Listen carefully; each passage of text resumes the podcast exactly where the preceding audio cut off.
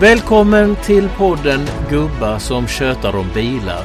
Podd nummer sju med mig Ola Sigvardsson och med Med mig Håkan Mattsson.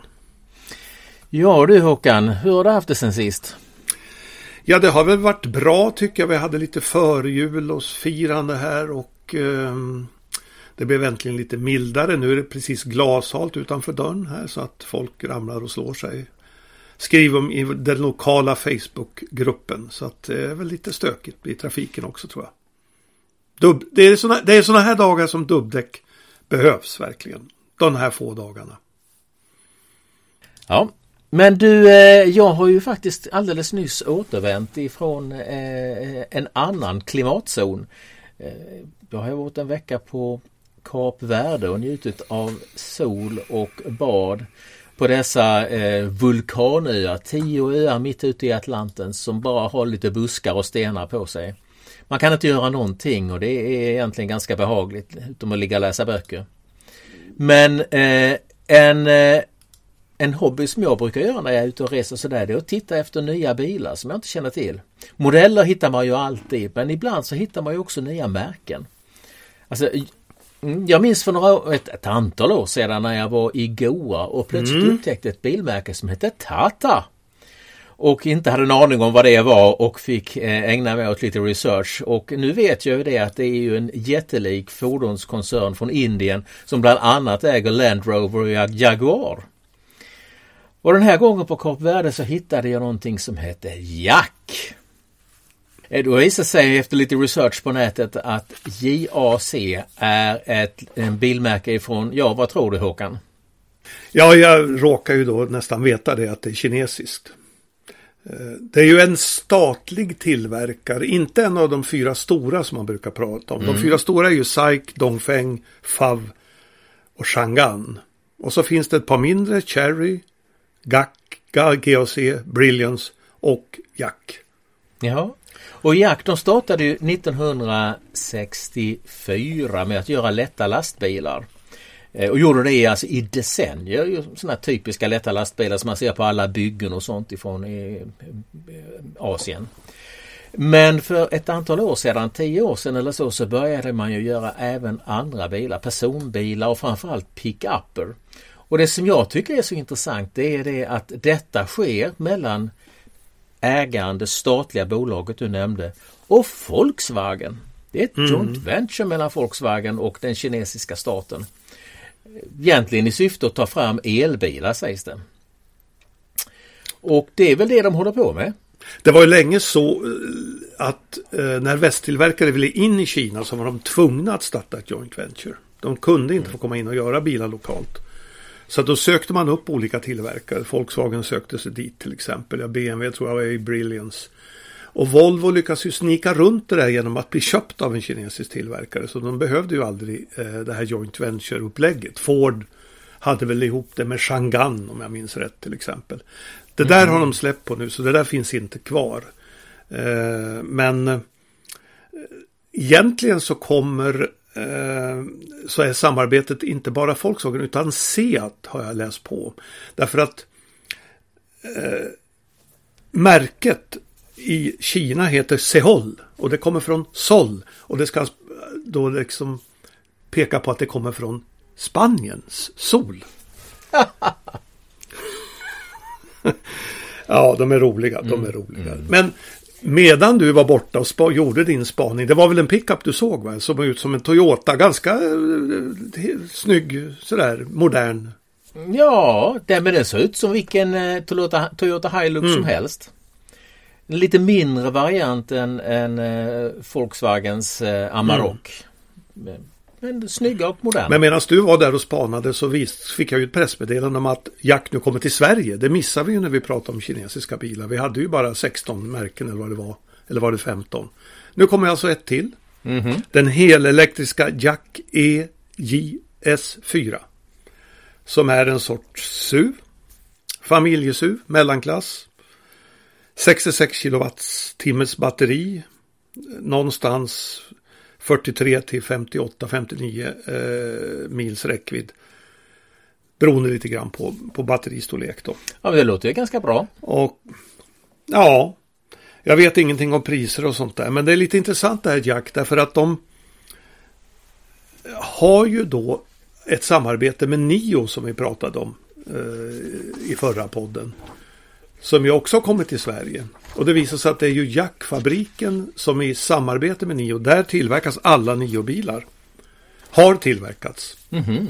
Nu har Nio öppnat en egen fabrik så att Jack och Nio har ett, ett väldigt intimt samarbete där de tillverkar bilar ihop. Och en annan liten utvikning som nästan får en politisk dimension här. Det är ju att den där bilen som kommer till Sverige, Jack GS4 i fos- fossilversion. I slutet av november började tillverkas i en fabrik i Moskva. En fabrik som Renault hade övergett. För västtillverkarna har ju lämnat eh, Ryssland av kända skäl. Och dels är det lite kul att den här bilen då som heter Jack i Sverige och på andra ställen. Den heter i Ryssland Moskvich 3. Alltså det gamla legendariska Sovjetmärket Moskvich har, kommer, eller har redan återuppstått. Men det man kan tycka lite grann om det här och det tycker jag egentligen kan tycka väldigt mycket om. Det är ju att de kinesiska tillverkarna har ju struntat fullständigt i bojkotten mot Ryssland. De har ju tvärtom fortsatt tillverka bilar, fortsatt sälja bilar. Och de kinesiska märkarna hade i början, före kriget mot Ukraina, hade ungefär 10% knappt 10% marknadsandel i Ryssland. I november var de uppe i 31 Oj, oj, oj. Så att de kapar ju åt sig eh, marknadsandelar. De tjänar ju verkligen på kriget. Eh, ja, jag tycker det är omoraliskt naturligtvis. Jag tycker ju att Li Shufu, eh, Eric Lee som han kallas nu, och de här skulle dra sig ur Ryssland. De som alla andra. Alla andra har ju gjort det. Alla västtillverkare har gjort det, alla japanska. Men de kineserna, de är kvar, de tuggar på, de tillverkar bilar, säljer bilar och kapar åt sig marknadsandelar. Nej, inte trevligt. Nej, verkligen inte trevligt. Vi kan vara helt överens om den moraliska sidan i detta. Men jag kan i alla fall skjuta in att den här Jack EJS4 den kommer att hamna på det facila priset av 529 900. Ja, utan klimatbonus. Ja, det är väl där de hamnar nu de här bilarna. Jag har lite svårt att bedöma om det där är dyrt eller billigt. Det beror ju lite grann på utrustning och sånt där.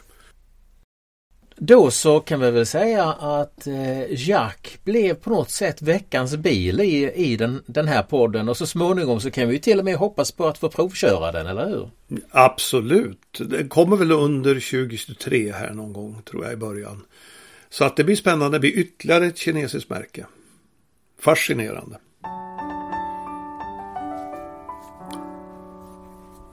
Men du, på tal om provkörning. Så, så har vi ju eh, diskuterat det där med, med provkörningens vara eller icke vara i våra tidigare poddar. Och du kände att du hade ett behov av att göra en litet, ett litet tillägg, hade jag en känsla av. Ja, jag var ju ganska kategorisk och dömde glatt ut provkörningar som om inte meningslösa så i alla fall väldigt överskattade.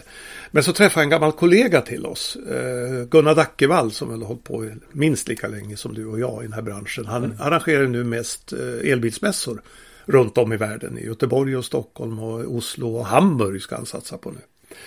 Och då sitter han och säger, det här var ju ett privat sammanhang, att ja, biltester är viktigare än någonsin nu. Och jag liksom, eh, va Gunnar? Menar du att det är viktigt det här med styrkänsla och allt det här? Nej, nej, nej, inte det, inte det, sa han. Nej, nej det är ju meningslöst. Utan räckviddstester på elbilar. Och där har han ju en stor poäng. Alltså fossilbilar, de har ju lite sämre räckvidd än den officiella siffran. Så där, det vet vi ju. Men elbilar kan ju ha dramatiskt mycket sämre räckvidd. Och den som har hamnat i skottgluggen på allvar är ju Toyotas elbil BZ4X. Mm. När Elbil Norge testade den, den ska ha 47 mils räckvidd, så nådde den 31. Alltså det är inte så riktigt bra. Nej, det är, det är ju faktiskt en katastrofsiffra. Sen tog tidningen Elbilen i Sverige ut en annan version av den med större hjul som då officiellt ska ha 41,5 mils räckvidd. Den klarade 24. Alltså det är också för dåligt. Det är alldeles för dåligt. Mm. Toyota har ett försvar såklart. de hävdar att de har en sorts virtuell, eller vad ska vi kalla det, teknisk reservdunk. Det vill säga att det finns typ 8% kvar i batteriet när det visar tomt. Men jag är inte man att lita på det. Jag vet inte om du är det. Om du känner att det är tomt. Och då tänker du så här, äh, det är ju lugnt. Jag har ju 8% kvar så jag, jag, kan ju lugnt åka. Köra vidare. Ja, det, det, skulle jag, det skulle jag aldrig göra. Nej, det där är ju... Och där tycker jag Gunnar Dackvall har rätt. Alltså det, de här testerna är ju bra. Så att det verkligen, man får se vad, vad, vad de här elbilarna klarar och vilken temperatur de klarar. Hur mycket räckvidden sjunker när det blir minus 16 som det var här. Den sjunker dramatiskt, det märker ju jag på, även på min bil, men, men inte så här mycket. Jag läste ju också att mm. eh, Dagens Nyheters Jonas Fröberg var ute och körde Volvo C40. Eh, och de hade ju, de skulle köra från Umeå till Stockholm. De hade planerat åtta timmar, men de hade ju en förbrukning på 34 kilowattimmar. 34. Alltså det var ju nästan, det, alltså, oj, oj, oj. det är nästan det dubbla vad bilen ska ha. Ja, det är dubbelt så mycket som min lilla BMW i3 drar på. Ja. Så 11 och en halv timme senare kom de till Stockholm halv två på natten. och det var ju inte, det var ju minusgrader men eh, det är ändå väldigt mycket felvisning. Och det där mm. är ju naturligtvis något att testa. Jag ger mig på den punkten. Okej. Okay. Provkörningarnas comeback. Men du, en sak, vi har ju pratat väldigt mycket om kinesiska bilar och vi pratar om elbilar och så. Det är naturligt, naturligt att vi gör det tycker jag med tanke på eh, hur utvecklingen ser ut i bilbranschen. Men eh, en sak som jag har reagerat över det är ju det att nästan alla de här bilarna som vi pratar om, inte de renodlade sedanerna, men i praktiken alla andra bilar kallas för SUVar. Mm. Alltså, eh, varför är det så Håkan? Ja, bilindustrins svar är väl att kunderna älskar SUVar. Varannan bil som säljs i världen idag är en SUV. Mm. Så att det är ju, de har ju helt tagit över marknaden. Helt tagit över marknaden. Och, men man kan ju diskutera vad en SUV är naturligtvis. Ja, ehm, jo, men alltså. Ja. Det finns ingen definition kan jag ju säga från början. Men om du försöker liksom eh, skrapa ihop lite tendenser. Eh, för eh, den frågeställning som jag tycker infinner sig det är, får en SUV se ut hur som helst? Det är ju eh, det man undrar över. Ja. Jag googlade världens första SUV och det svar jag fick då av Google det var Chevrolet Suburban Carryall från 1935.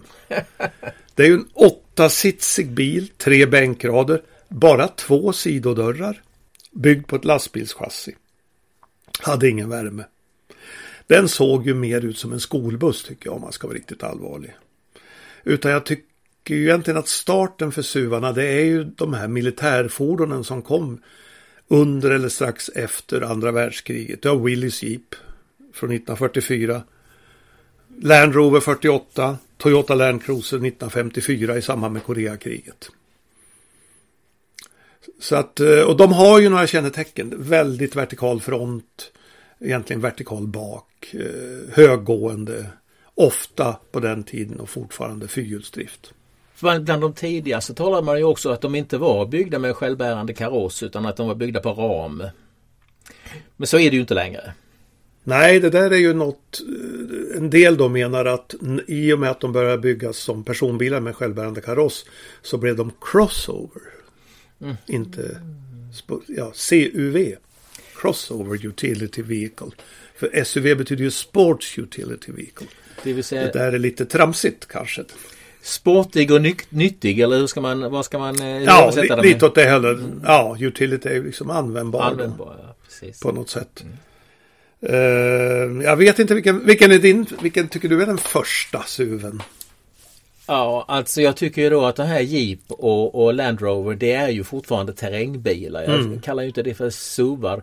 Möjligen skulle man kunna tänka sig den här Jeep Wagoner tror jag den hette. Mm. Från första halvan av 60-talet. Mm. Som jag, den hade ju just det här som du pratar om, det vill säga eh, hög front eller rak front och även rak bak. Alltså en stor, en stor låda på hjul. Mm. Eh, någonstans där tror jag det började. Men alltså, det som är intressant tycker jag ändå när man pratar om det historiska perspektivet, det är hur kunde det bli så stort? Och en, en, en, en, en, en ledtråd tycker jag ju nog ändå är om jag tittar tillbaks på mitt eget bilintresse, är introduktionen av Range Rover. Mm. Eh, omkring, omkring 1970. Jag minns att jag läste varenda rad som fanns om den bilen i Teknik för alla som jag prenumererade på vid den tiden. Eh, och alltså det fanns nästan ingenting som var så fantasiägande som Range Rover när de körde genom Sydamerika upp i bergen och, och så vidare. Det var helt fantastiskt. Och på något sätt så tror jag att den här lyxsuven där det inte längre var ett militärfordon eller ett väldigt enkel låda på hjul utan någonting annat. Att där på något sätt började den stora trenden. Men, Vad tror du? Ja, men jag tror då är det ju fortfarande en sorts äventyrsfordon, terränggående fordon. Jag skulle nog vilja säga att Jeep Cherokee från 1984 så sent är den som verkligen sätter fart på den trend vi såg. För den, den var ju väldigt mycket personbil och mm. väldigt mycket livsstilsbil.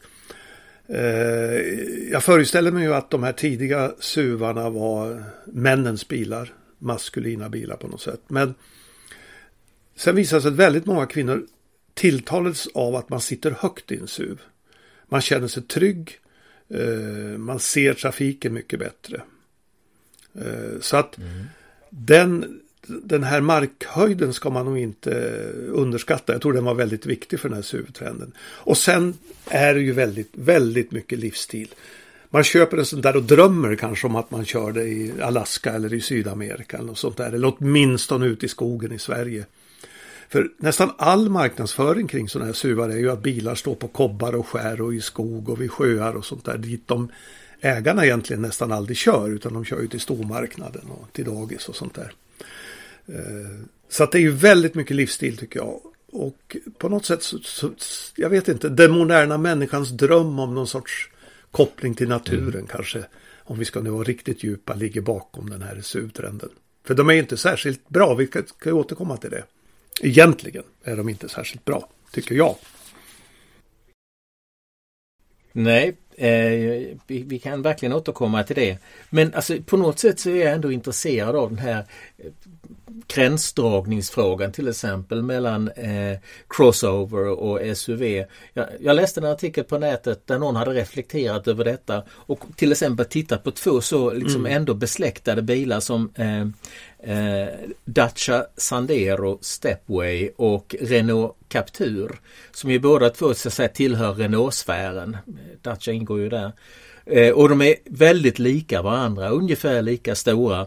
Medan då Dacia kallar sin bil för en crossover medan Renault mm. kallar sin för en SUV. Och liksom, eh, är, är det någon ordning på begreppen då egentligen? Nej, det finns ingen ordning på det där. Egentligen tycker jag kanske att Dacian är mer SUV än, än Renault. Renault känns ju väldigt mycket mer som en crossover. Men kan jag inte få backa tillbaka till den första XC90. Mm. För den är lite intressant när man då jämför eh, den här designfrågan. Mercedes hade ju några år tidigare där 97 kommit med sin SUV. ML-klass som gjorde den första bil de gjorde i USA i Alabama. Och den hade ju en väldigt lutande front och en sorts eh, stor vinkel mellan motorhuv och vindruta. Så att den, den såg ju nästan ut som en minibuss. Och det var ju det man ville komma ifrån med suvarna. Därför att det här Soccers Moms Car mm. som de sa, fotbollsmammornas bilar. Det var ju inga män som ville köra dem. Så egentligen var ju Volvo XC90 den första generationen var ju helt genial. För där hade ju då designchefen Peter Horby gjort en sorts SUV, en ganska vertikal front, eh, hyfsat vertikal bak, ser ut som en SUV. Men funktionen, i och med att den var sjusitsig var ju en soccer moms car. Så den tilltalar ju både män och kvinnor. Jag tyckte det var, det var väldigt genialt det där. Volvo hade ju ett möte innan de gjorde den med, med kvinnor, så här kvinnogrupper i USA, kundgrupper. Och de sa att de gillar inte de här amerikanska stora suvarna med en sån här aggressiv grill, aggressiv front. Så de, Volvo tonade ner den lite utan att göra en minibuss av den. Så att, eh, ja, man kan prata mycket om de här formerna. Egentligen är det också så att man kan inte göra så mycket med en, det man vill kalla en SUV. Varför inte då? Nej, men den måste ju ha några saker ändå. Den bör ju ändå ha en hyfsat eh, vertikal front och markfri gång och sådär. Nu hör jag... Och man måste, man måste, man måste sitta högt? Ja, det, det ingår ju, eller åtminstone ska det vara ett illusionstrick att man sitter högt med de här hjulsidor och sånt där som hjulkanter som, eh, som en del började med. Men nu, säger jag, nu vet jag att då kommer jag säga emot mig själv. För den nya trenden är ju egentligen inte så suvig. Eller vad tycker du? Om du tittar på nya Audi Q3. Är det en SUV liksom? Med den lutande baken. Nej, det... Nej, så jag tycker att många av de här bilarna, inte minst kinesbilarna vi har pratat om. Och, eh, jag menar, jag får mer en känsla av det vi en gång i tiden kallade för halvkombi. Ja, och det betyder ju att Saab hade rätt hela tiden. Själv, självklart. ja, men det, var ju, det är ju det mest geniala konceptet tycker jag. Den här halvkombi. Det, mm. Man slipper den här stora liksom, lådan. Men man har en, en väldigt praktisk bil. Vi har ju sett när vi har kört, du körde ju de här kinesiska bilarna Xpeng och Nio. Att deras mm. bagageutrymme är ju som brevlådeinkast. Jag tror inte att det går i Sverige. Du måste kunna ha en, en mer praktisk lösning. Du måste kunna lasta saker. Och det kan man i en halvkombi. Så att, men vi får väl leva med det här SUV-trenden antar jag i all evighet. Det är ju intressant att notera att eh, de allra flesta elbilar som kommer, kommer som SUVar. Ja, alltså finns det inte en motsättning i det på något sätt? Jo, det finns det absolut därför att du har ju ett eh, mycket större luftmotstånd i en, med en SUV. Och det kostar ju räckvidd. Mm. Eh, så jag, jag, tycker lite grann att bilindustrin skjuter sig i foten med det där att de inte istället gör tvålkoppar. Eh, Teslas bilar som jag tycker i och för sig är rätt fula allihop. Men de är ju strömlinjeformade. De mm. har ju inget högt luftmotstånd. Ja. Och det betyder att de har ju bra räckvidd. Ja. Det är och ett skäl. Nya eh, Hyundai Ioniq 6 den tycker jag också ser väldigt strömlinjeformad ut. Så det kanske är, ja. det kanske är en ny trend som kommer. Ja, jag vet att Håkan Samuelsson innan han lämnade Volvo började liksom hinta om det där att vi kanske måste göra sedaner med lägre luftmotstånd i framtiden för att, ja, för att klara räckvidden då. Eh, jag tror inte att de gör det med EV30 eller EX30 som kommer snart. Den har väl, ser väl ut som en liten SUV mm. så vitt jag förstår. Nej, när en kultur är etablerad som ju subkulturen är så är, är det svårt att, att ändra på den. Men eh, jag tror vi ska återkomma till det där. Men det du sa det att det har ju sina sidor. Jag menar det handlar, handlar inte bara om luftmotstånd. En SUV är ju som regel eh, stor, tung, eh, lite dum. Eh, inte bra för fotgängare.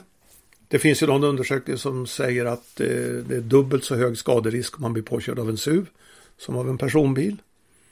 Eh, Fossilsuvarna har ju stått för väldigt mycket av de ökade CO2-utsläppen de senaste tio åren. Så att eh, det finns en massa baksidor med det där. Men vi kanske kan återkomma till det. Suvarnas skadebild. Ja, det, men det är, det är livsstil mot miljö eller hur man nu vill ställa det. Ja, det tycker jag att det är faktiskt. Mm. och jag vet inte hur man ska kunna ändra på det. Jag tror att det egentligen handlar om det där att, att bilindustrin kommer att straffas för sin dåliga räckvidd. Jag menar om, om en XC40 ska dra, eller C40 då, förlåt, ska dra 34 kilowattimmar när man är ute och kör. Alltså det går ju inte. Nej. Det måste ju Volvo få ner för annars får de ju ha batterier som, som jag vet inte hur stora batterier de ska ha. Mm. Men den nya EX90 den, den är ju ganska väl full, fullspäckad med batterier. Den är ju väldigt tung.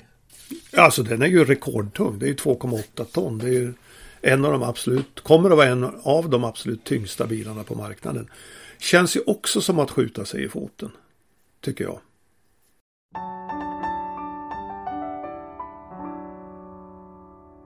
Men du, ska vi släppa SUV-arna för dagen? Jag tänkte att vi... Men vi återkommer Ja, va? det är självklart. Kärt ämne ja. Men du, jag tänkte på det här mest omtalade eh, marginalnyheten i Sverige de senaste veckorna. Det är ju den här chattbotten. Eh, det vill säga den som man ja. kan ge ett uppdrag och då skriver den en text. Jag tror att jag har hört i en 3, 4, 5 radioprogram vid det här laget hur man har lekt med den här artificiella intelligensen. Eh, jag tänkte, ja, det kan väl vi också göra. Jag vet ju att du har lekt med den. Ja, ChatGPT, Generative Pre-trained Transformer, står det där GPT för. Eh, alltså de, de hade på fem dagar från lanseringen en miljon människor som signade upp för att testa dem. Och jag en, var en av dem då. Men som du säger, det är överallt nu. Jag tror jag läste tidningen häromdagen var det någon som hade använt en text och någon i radio hade använt en text. Så vi vill ju inte vara sämre. Nu är det så att ordet tjötar är ju så svåröversatt till engelska. Så att jag skrev in Old Men Talking About Cars. Jag tänkte det var väl hyfsat nära ändå. Ja, ska jag läsa upp mm. vad, vad vi gjorde, vad vi gör? Ja, ja, mycket spännande. Gör det. I remember back in the day when cars were made of steel and had real horsepower, said Jack, a 70 year old man. Yeah, those were the days, agreed Bob, another 70 year old man. Nowadays it seems like all the cars are made of plastic and lack any real character. I miss the days of big American cars, said Bob. But now it's all about fuel efficiency and electric cars. And I don't know if I could ever get used to driving one of those. Me neither, said Jack. But I suppose time change and we have to adapt. Still, it's nice to look back on the old good days and reminisce. The two men continued to chat about their favorite cars and memories of the past, both grateful for the experience they had and the memories they had made. Är det där du och jag? Det är en fantastisk text, alltså vilken fantastisk eh, eh, robot. Men jag känner ju inte riktigt att jag kan eh, identifiera mig med den. Men inte minst med tanke på det vi har pratat om den senaste halvtimmen. Nej, det är ju liksom, det är ju väldigt amerikanskt kan man ju lugnt säga. Alltså vi sitter ju aldrig och pratar om the Mr Days of Big American Cars. Eh, det gör ju inte jag riktigt. Jag är ju inte den generationen och jag, jag tycker om en del av de där gamla amerikanska bilarna är vackra att titta på sådär. Men det är egentligen inte, jag är ingen sån fantast för dem. Jag gillar snarare europeiska 60-talsbilar, inte minst italienska. Och Volvo Amazon till exempel. Självklart. Klassiker. Så att nej, det där var, men det var ju ett bra försök. Absolut, jag tyckte det var beundransvärt arbete av den här roboten.